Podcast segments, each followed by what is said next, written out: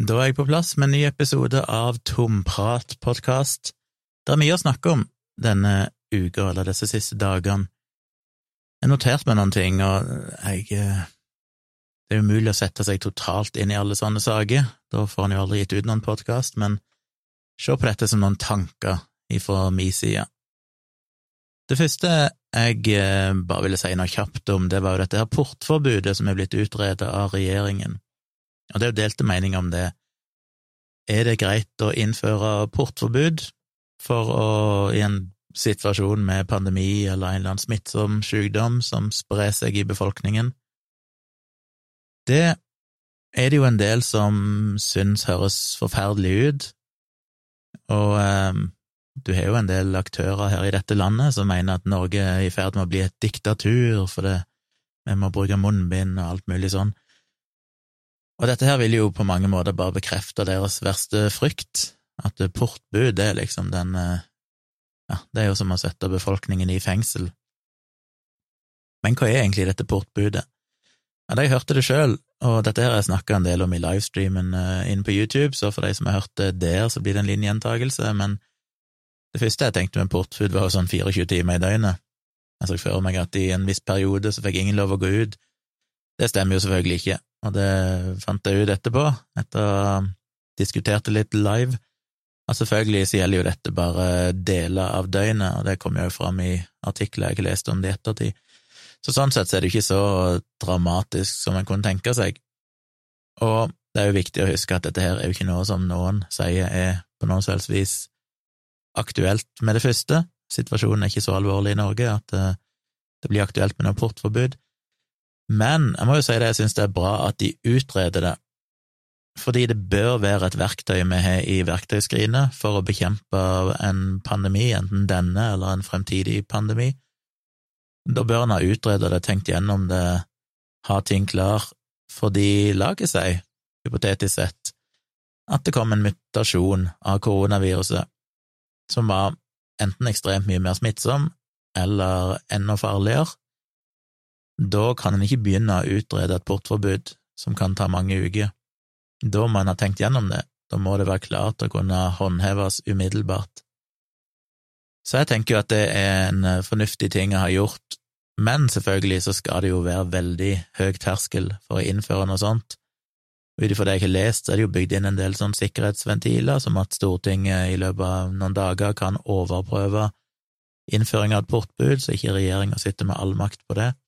Den vil også være tidsbegrensa, med mulighet for forlengelse, og vil bare gjelde visse tider av døgnet.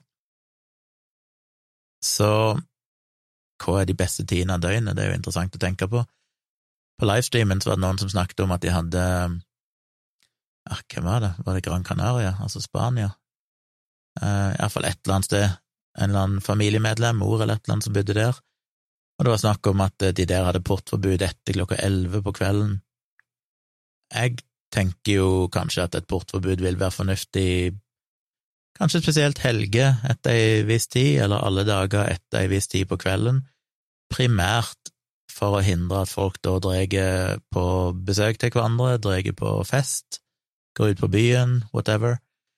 Eh, så det er liksom de der å unngå de der risikoscenarioene der folk samles sammen i små leiligheter eller hus, som ofte er det som fører til spritte, spritte faktisk, smittespredningseventer. Så jeg tror det er noe vi bør kunne bruke i de mest ekstreme tilfellene. Jeg kan ikke se for meg, sånn som situasjonen er nå, med mindre det skulle oppstå en dramatisk vending med et mye mer farlig virus eller noe sånt, at det vil bli nødvendig. Og som Folkehelseinstituttet har sagt, som har vært motstander av dette her, så vidt jeg har skjønt, så er det jo det at de tiltakene vi har innført, har jo virka veldig bra. Jeg mener, Norge har jo klart seg veldig, veldig bra, med både lite smitte og relativt sett få alvorlig syke og døde. Så det finnes jo sånn sett ikke noe insentiv for at vi skulle trenge et portforbud i eh, overskuelig framtid. Vi har jo klart dere bedre enn land som har innført portforbud av ulike årsaker. Så portforbud er nødvendigvis ikke det rette å gjøre, med mindre det skal være liksom siste mulighet fordi vi ikke klarer å kontrollere spredning. En annen grunn til at jeg er noenlunde positiv til ideen om portforbud, er jo bare rett og slett at jeg mista litt truet på menneskeheten. Jeg er faktisk ikke helt sikker på om, eh, hvis vi kommer i en situasjon med et enda farligere virus, om folk flest, jo, folk flest ville oppført seg, men om det er Om vi kan være trygge på at det ikke vil være nok personer i samfunnet som gir faen, som ikke tar viruset på alvor, som ikke tror at dette egentlig gjelder deg, som eh, kanskje ser på det hele som en konspirasjon, til og med, eller bare en løgn, og vil trosse dette, eller trosse de vanlige anbefalingene med sosial distansering og alt dette her, munnbind og så videre. Og i et sånt tilfelle så tenker jeg at hvis, eh, hvis ikke folk klarer å ta seg sammen og se alvoret i en sånn situasjon, ja, så må kanskje et portforbud innføres som politiet må håndheve. Det er dramatisk, og jeg skulle virkelig ønske at vi som befolkning var oppegående nok til å ja, slippe noe sånt som det. Men faen heller, jeg stoler ikke på folk lenger. Jeg ser hvor mye idiotiske folk som har vært bare nå, som drar på fest og arrangerer alt mulig rart, uten å skjønne at det gjør du ikke i den situasjonen vi er nå. Og det blir litt sånn at hvis det noen gang skulle bli nødvendig å innføre portforbud, så har vi jo til syvende og sist dere sjøl å takke fordi vi som folk ikke klarer å oppføre oss. Så ja, jeg er ikke kategorisk motstander av abortforbud, men jeg vil jo være motstander av at det innføres med mindre det skulle skje dramatiske endringer i risikobildet. Og der er vi jo ikke ennå, og jeg tviler på om vi kommer der i løpet av denne pandemien, for de tiltakene vi har brukt, har jo funka såpass bra. Men kanskje en gang i framtida, fordi dette blir ikke siste pandemien vi opplever i vårt liv vi kommer til å oppleve flere, og eh, noen av de vil sannsynligvis være vesentlig verre og mer alvorlige. Så det er bra vi har tenkt gjennom dette på regjeringsnivå. Ellers er det jo våre dramatiske tilstander i USA, og det skal jeg ikke si så mye om. Det som er mer interessant å diskutere, er jo dette med at eh, Ja, det er to ting. Trump er blitt kasta ut av Twitter, ut av Facebook, ut av Instagram, Snapchat. Betalingsløsningen Stripe har kasta ut hans sine ting som er betalingsbaserte. Generelt sett så har han blitt kasta av, og det har det jo vært veldig delte meninger om. Er det riktig å kaste verdens mektigste mann, presidenten i USA, av Twitter? Og dette er jo ting vi har diskutert mye i Dialogisk i den tida den podkasten fortsatt eksisterte, meg og Dag Sørås. Og begge to, både meg og Dag, er jo våre nesten fanatiske forkjempere, ikke bare nesten, men vi har vært fanatiske forkjempere for ytringsfrihet.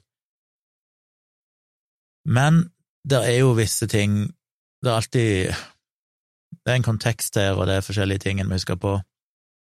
Det første er jo at selvfølgelig så har jo teknisk sett ikke det å bli kasta av Twitter noe med ytringsfrihet å gjøre. Ytringsfrihet per definisjon, sånn det er definert i, i Grunnloven, handler jo om at ikke staten skal kunne straffe deg for ytringer du kommer med. Og vi har jo selvfølgelig ikke noen absolutt ytringsfrihet, det er det vel ingen som ønsker. Det er jo enkelte ytringer som er straffbare, um, og selvfølgelig er det bedrifter som har ytringer som er straffbare, men også på nasjonalt nivå. Mener, jobber du som lege, så har du taushetsplikt. Ikke sånn at du kan begynne å utlevere sensitiv informasjon om pasientene dine under dekke av at ja, men jeg har jo ytringsfrihet. Så det er jo ting du ikke kan si, og det er vi stort sett enige om at det er en god ting. I tillegg så er det jo begrensa ytringer knytta opp mot eh, hatprat, mot eh, utsatte grupper og sånne ting. Det kan en mene mye om. Poenget er iallfall at eh, ytringsfriheten er jo på ingen selvs måte absolutt allerede nå. Men Twitter og Facebook er jo private selskaper.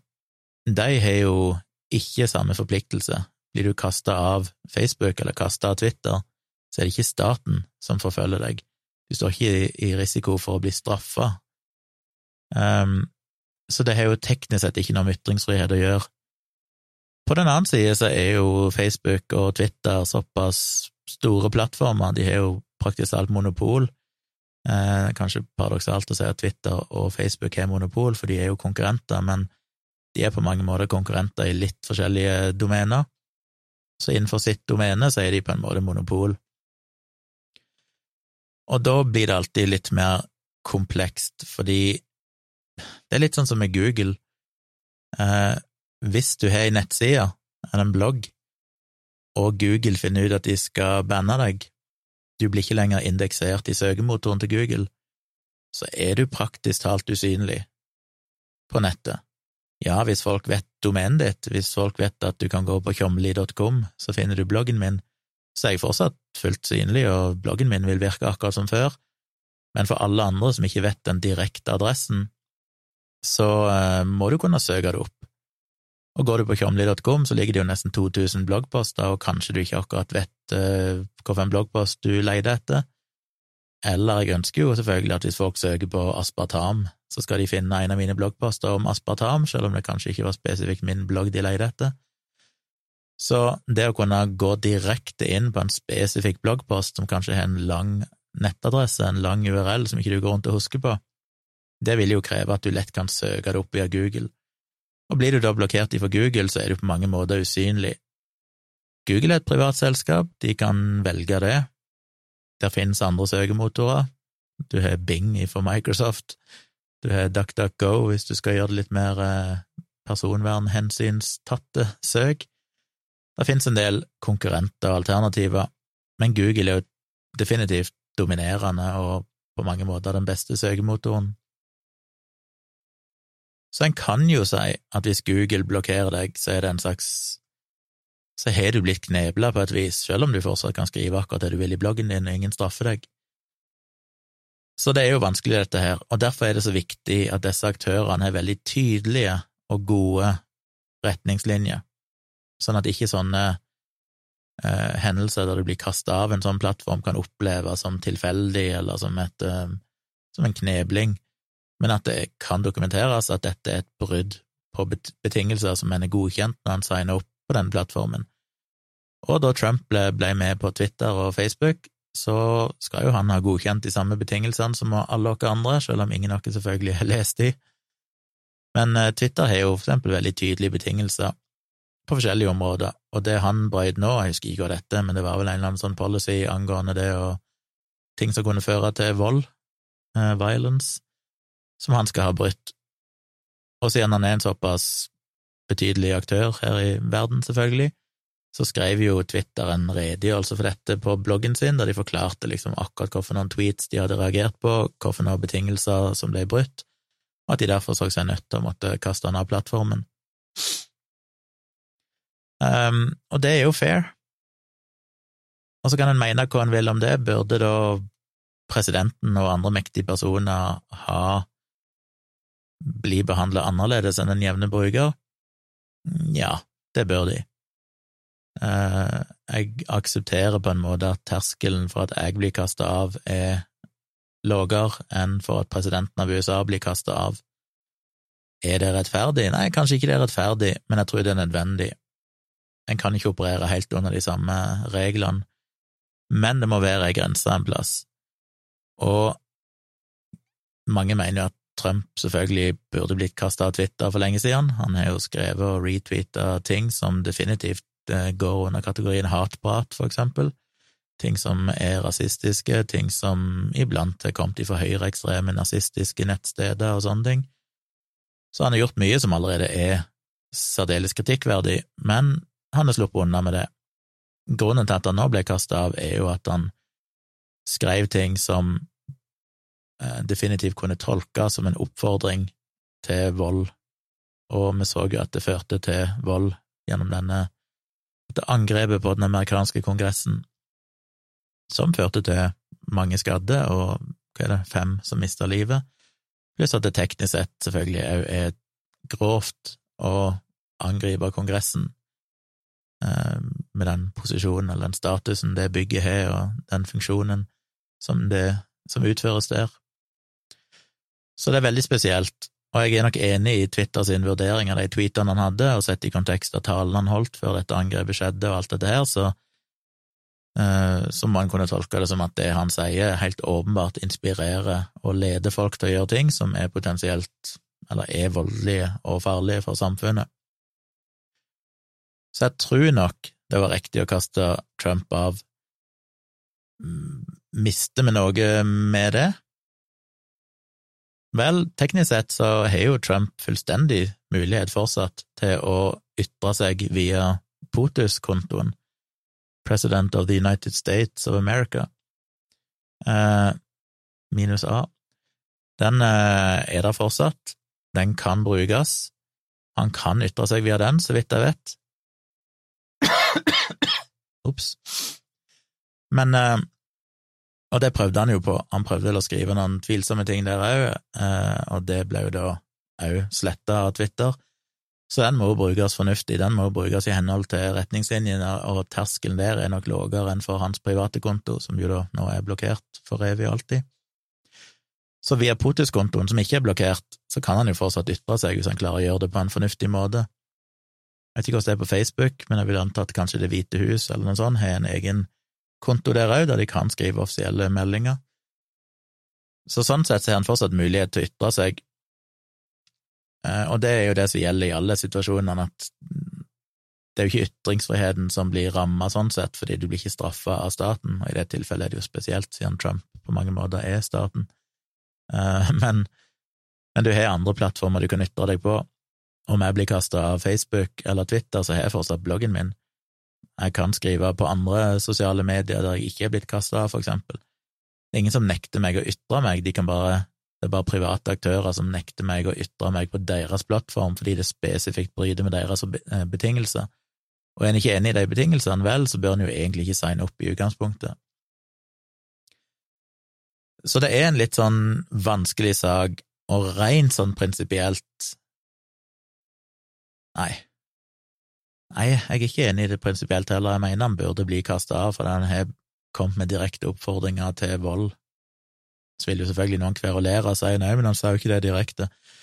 Men en må jo være litt pragmatisk her. Trump sin spesialitet er jo å si ting som er veldig, veldig drøye, men så har han en tendens til å si noe som er fornuftig, sånn at når folk kritiserer han for det drøye, så vil de som forsvarer han peke på ja, men han sa jo egentlig, og så peker de på et eller annet fornuftig, som han sa. Og det er han veldig flink til, han passer alltid på å balansere ting, sånn at hvis du prøver å ta han for det ene, så kan han alltid peke til at ja, men han sa jo egentlig dette, og dermed så kan du ikke hevde at han egentlig mente det som var oppfordra til vold, for eksempel.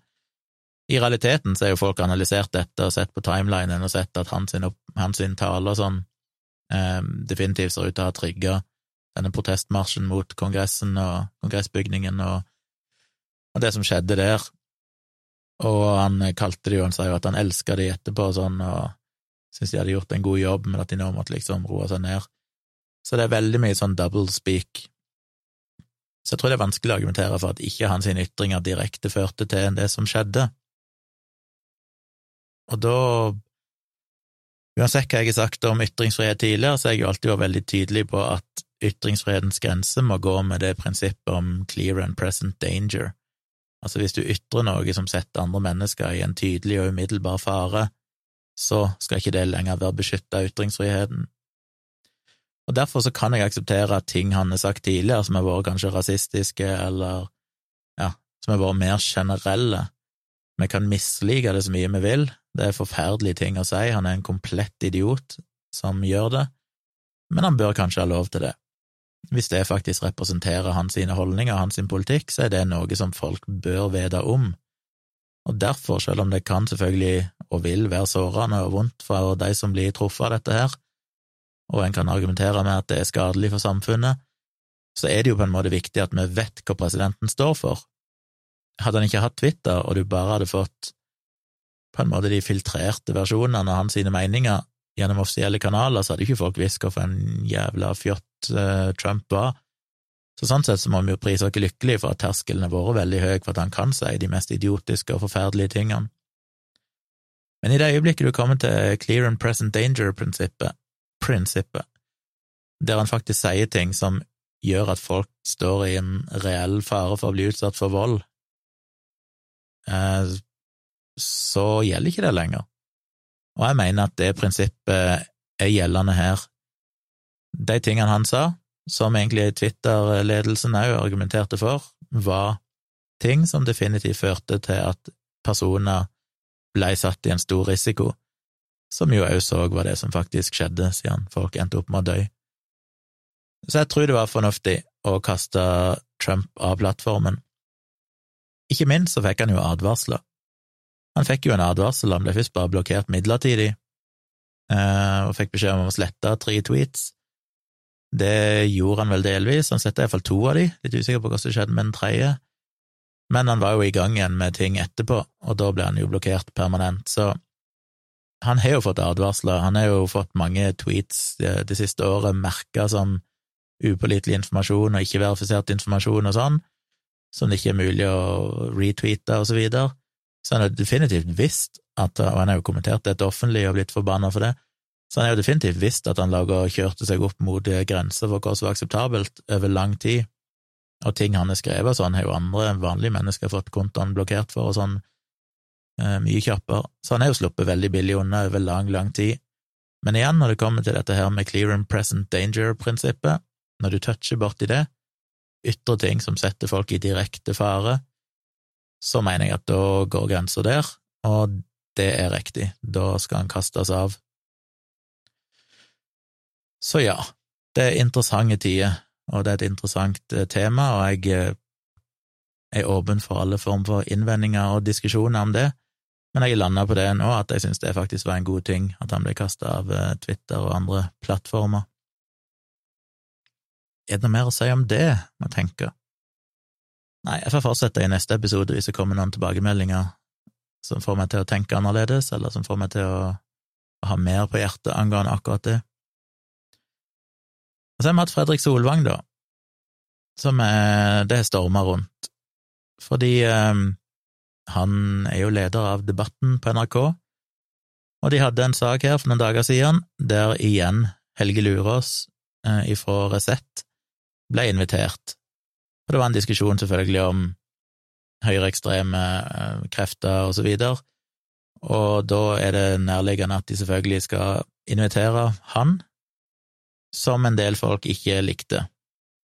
Med rette, syns jeg. Um, eller, ja, jeg skal ikke egentlig gå inn så mye i akkurat det, for jeg syns det er jo en komplisert sak. Hvem skal få lov, og hvem skal bli invitert på sånne programmer? Er det rett å invitere han? Uh, bare sånn som en bisetning, så er jo litt av problemet med han er jo det at han er veldig flink til å fremstå som saklig og fornuftig og komme i dress og sånn, men hvis en faktisk ser på Resett og ser hva som slipper gjennom der, både i kommentarfelt og av artikler, så er jo det ganske brutale ting som går hardt ut over enkeltpersoner ofte. Så det er litt sånn faren med han, han er flink til å, å hvitvaske det han driver med gjennom sin fremferd frem, framferd i media. Og sånn sett så bør han jo være klar over det ansvaret når NRK inviterer han, at de, de på mange måter òg bidrar til å hvitvaske en bedrift og en nettavis som definitivt er farlig for samfunnet og skader enkeltmennesker og skader grupper. Men det er nå så. Det er en egen debatt. Jeg er mer interessert i det som skjedde med Fredrik Solvang, for han eh, endte jo opp med å måtte bruke lang tid på å forsvare dette, han fikk mye kritikk. Så var det jo den her famøse utvekslingen på direktemeldinger på Twitter med Nå kommer jeg ikke på navnet. En, eh, en Utøya-overlevende, som jeg jo òg er venn med på Facebook. Så må jeg bare søke opp her og se om jeg Ja, Tor Sinding Bekkedal. Han eh, reagerte jo og begynte å skrive med Solvang, og jeg har ikke lest hele den diskusjonen, jeg har sett noen screenshots som ble delt ut, og der dro jo blant annet eh, Fredrik Solvang dette her eh, ja, han, han, mente at Tor Sinding dro Utøya-kortet, fordi han trakk fram at han som var overlevende og sånn, følte jo dette på kroppen eh, i stor grad og syntes det var vanskelig og vondt, og så at det var farlig for samfunnet når de brukte en person som Helge Lurås som gjest i debatten. Og da eh, ble jo det offentliggjort, og så fikk jo Fredrik Solvang mye pes for det, og til slutt så stengte han sin egen Twitter-konto, eller sletta seg fra Twitter, eller et eller annet sånt, og så kom han jo med en forsvarstale på Facebook, eller var det Instagram, eller begge plassene, det mulig det kryssposter, siden Facebook eier Instagram. Og i første omgang så nevnte han jo ikke det med Utøya-kortet, men etter en stund så la han til en uh, edit der han også skrev at han la seg flat og beklagde for bruken av det begrepet. Um, ja. Så det var en diskusjon. Og da han gikk ut med dette, så ble det jo en sak i Dagbladet, der han på måte fikk komme med sin forsvarstale. Og det har jo ført til at Bekkedal og en del andre så har fått veldig mye hets andre veien nå igjen. Nå blir de, blir, de sett på som de store bad guys som fikk Solvang, stakkar, til å slette seg for Twitter, og så videre. Så det er jo som det alltid er i sånne debatter, det er kaotisk, og ofte relativt lite fruktbart.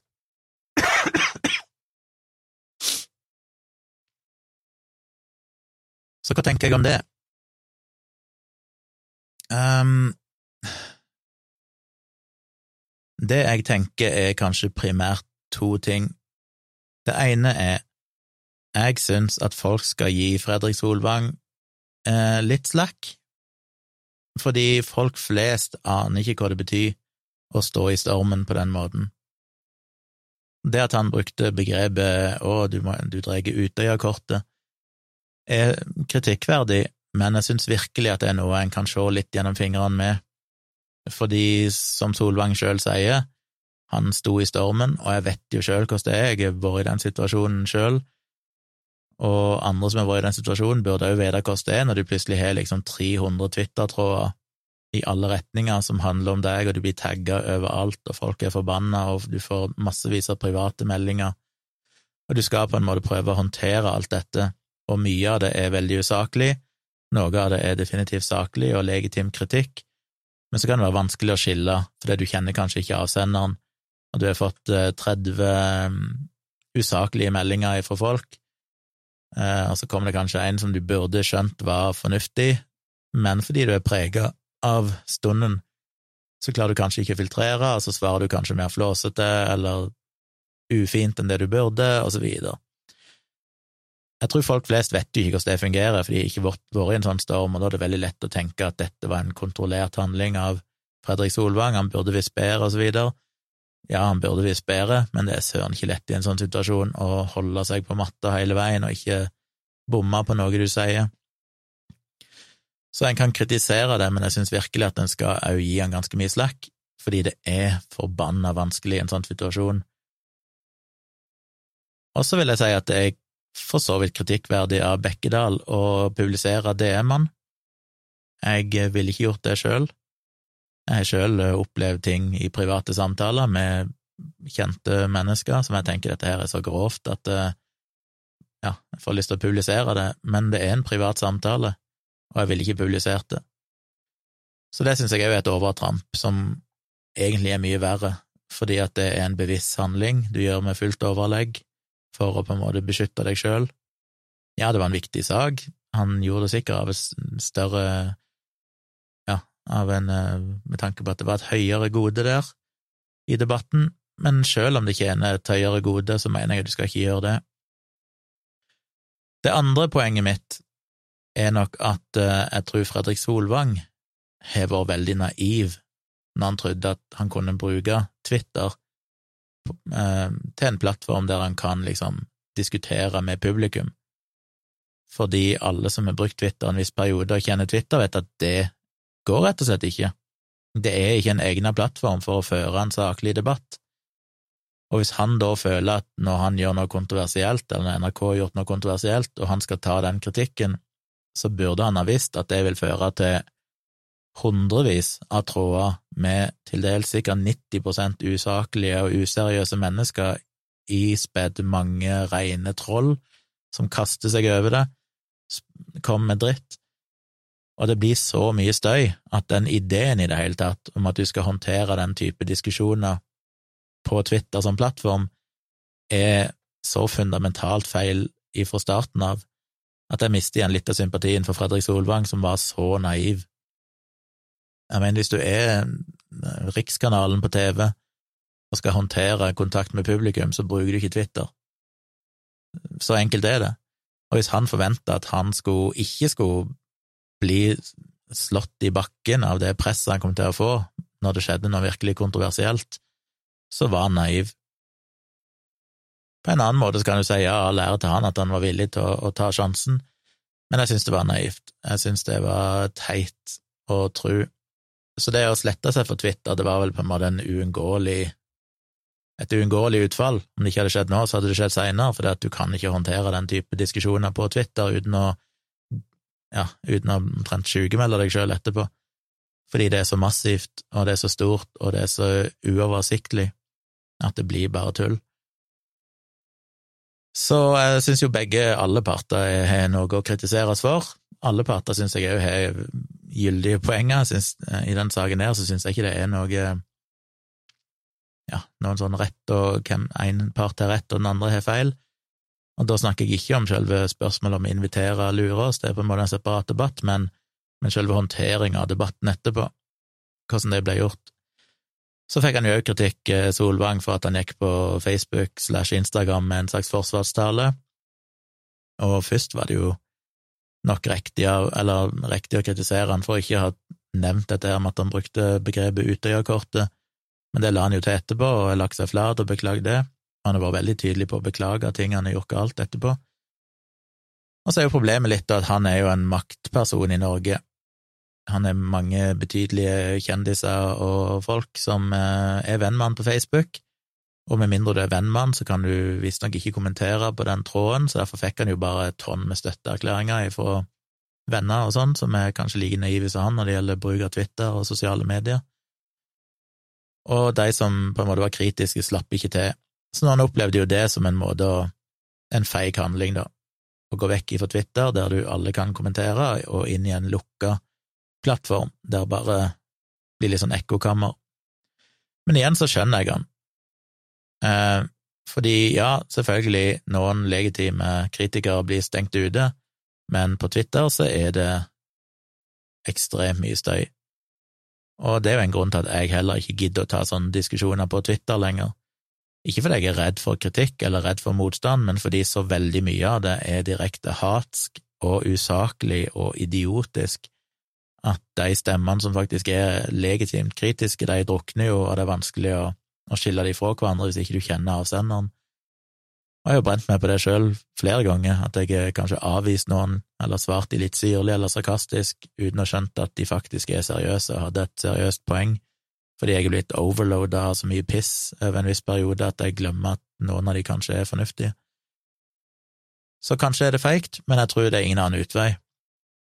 Og jeg skjønner at han hadde behov for å ventilere litt.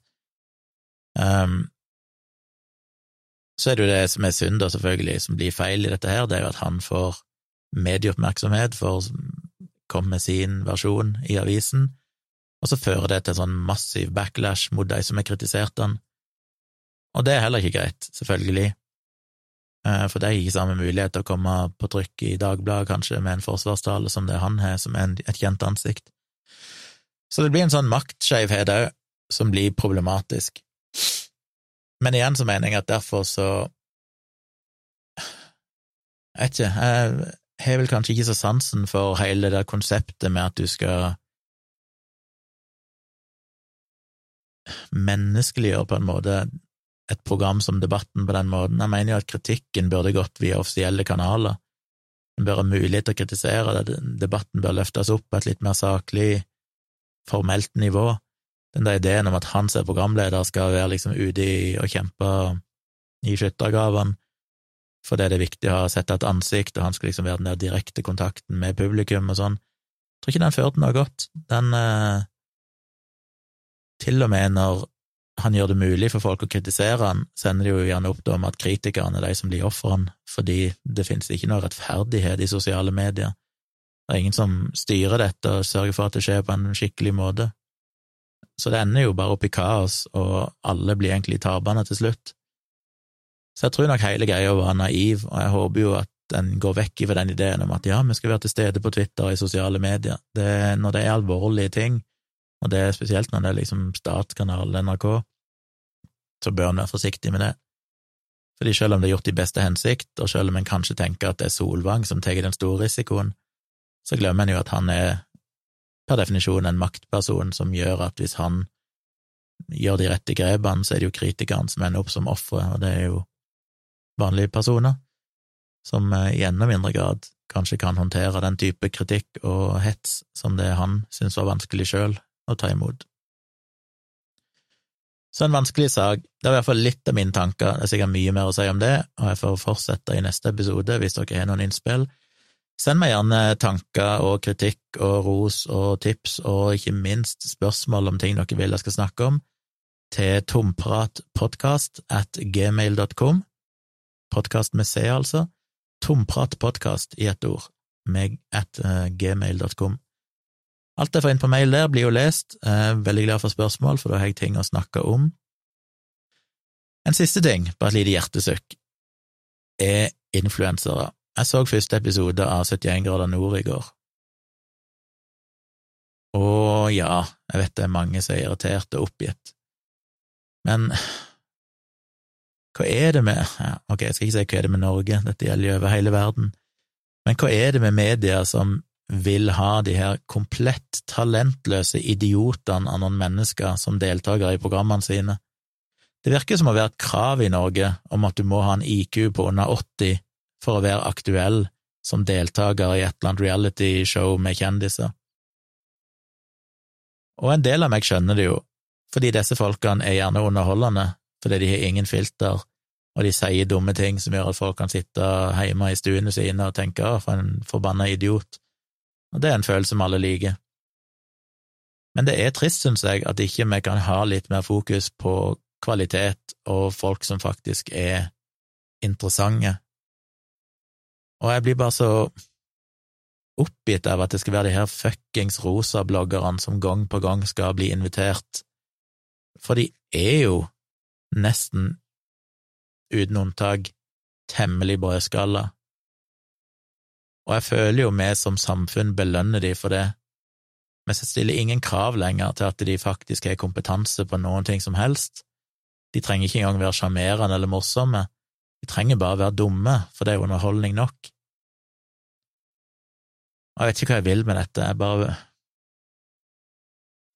Jeg skulle bare ønske at det var det, det er såpass mange interessante folk i dette landet som har fornuftige meninger, og som er morsomme, og som er sjarmerende, som burde vært med på disse programmene, og kanskje vet, kjenner jeg bare ikke andre sida av saken, kanskje har disse folkene blitt spurt, men de er ikke interesserte, for kanskje du må være relativt jeg skal ikke si dum, men at du må ha et liv som gjør det mulig for deg, å kanskje være med på noe sånt i flere uker.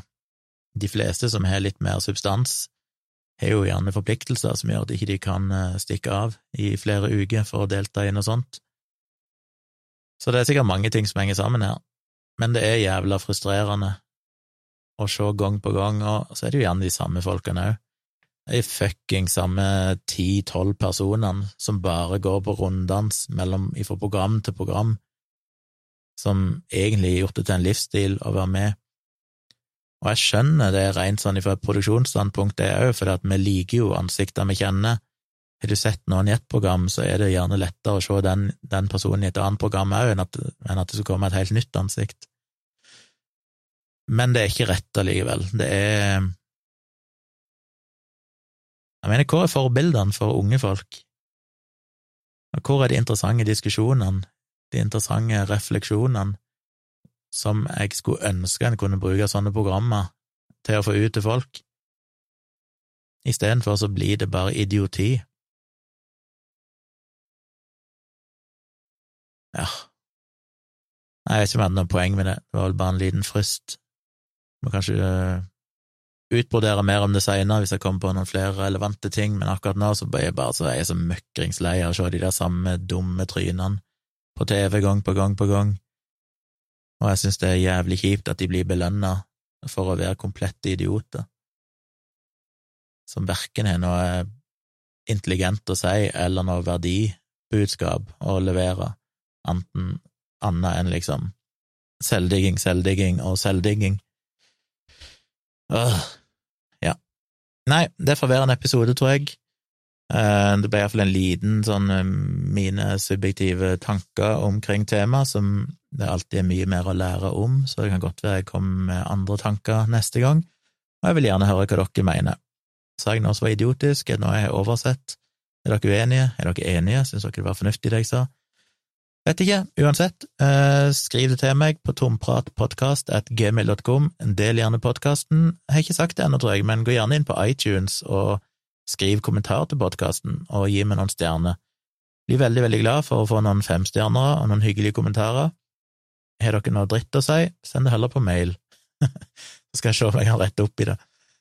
Eh, så det setter jeg veldig pris på, og det hjelper jo faktisk mye for hvordan du blir spredd og promotert på iTunes og i forskjellige podkast-apper og sånn. Så det setter jeg veldig pris på om dere bruker to–tre minutter på å bare klikke dere inn i podkast-appen, Apple Podcast, eller vet ikke om Google òg har noe sånt, eller inn på iTunes. Så går det iallfall an å gi meg en rating. Jeg håper det er en god rating, for det betyr mye for meg. Og tips gjerne andre. Jeg synes det er veldig kult når folk henviser til noe jeg har sagt i en episode på Twitter, for eksempel, fordi det gjør jo at eh, podkasten får litt eksponering, og andre folk oppdager og blir kjent med den.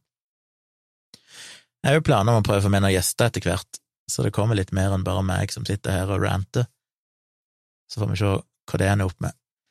Ellers minner dere på, det går an å følge meg på livestreams på YouTube, så sjekk ut Tvilsomt med Tjomli på YouTube. Der kjører jeg livestream veldig mange kvelder, litt seint ofte. Da kan dere delta i chatten der og stille spørsmål og så videre. Jeg gjør òg noen sånne live reactions der jeg tar for meg video og sånn, som jeg sitter og kommenterer underveis live og mer eller mindre uforberedt. Uh, ja, så da håper jeg jeg uh, får litt tilbakemeldinger, og så er jeg tilbake igjen om noen få dager. Takk for at dere hørte på.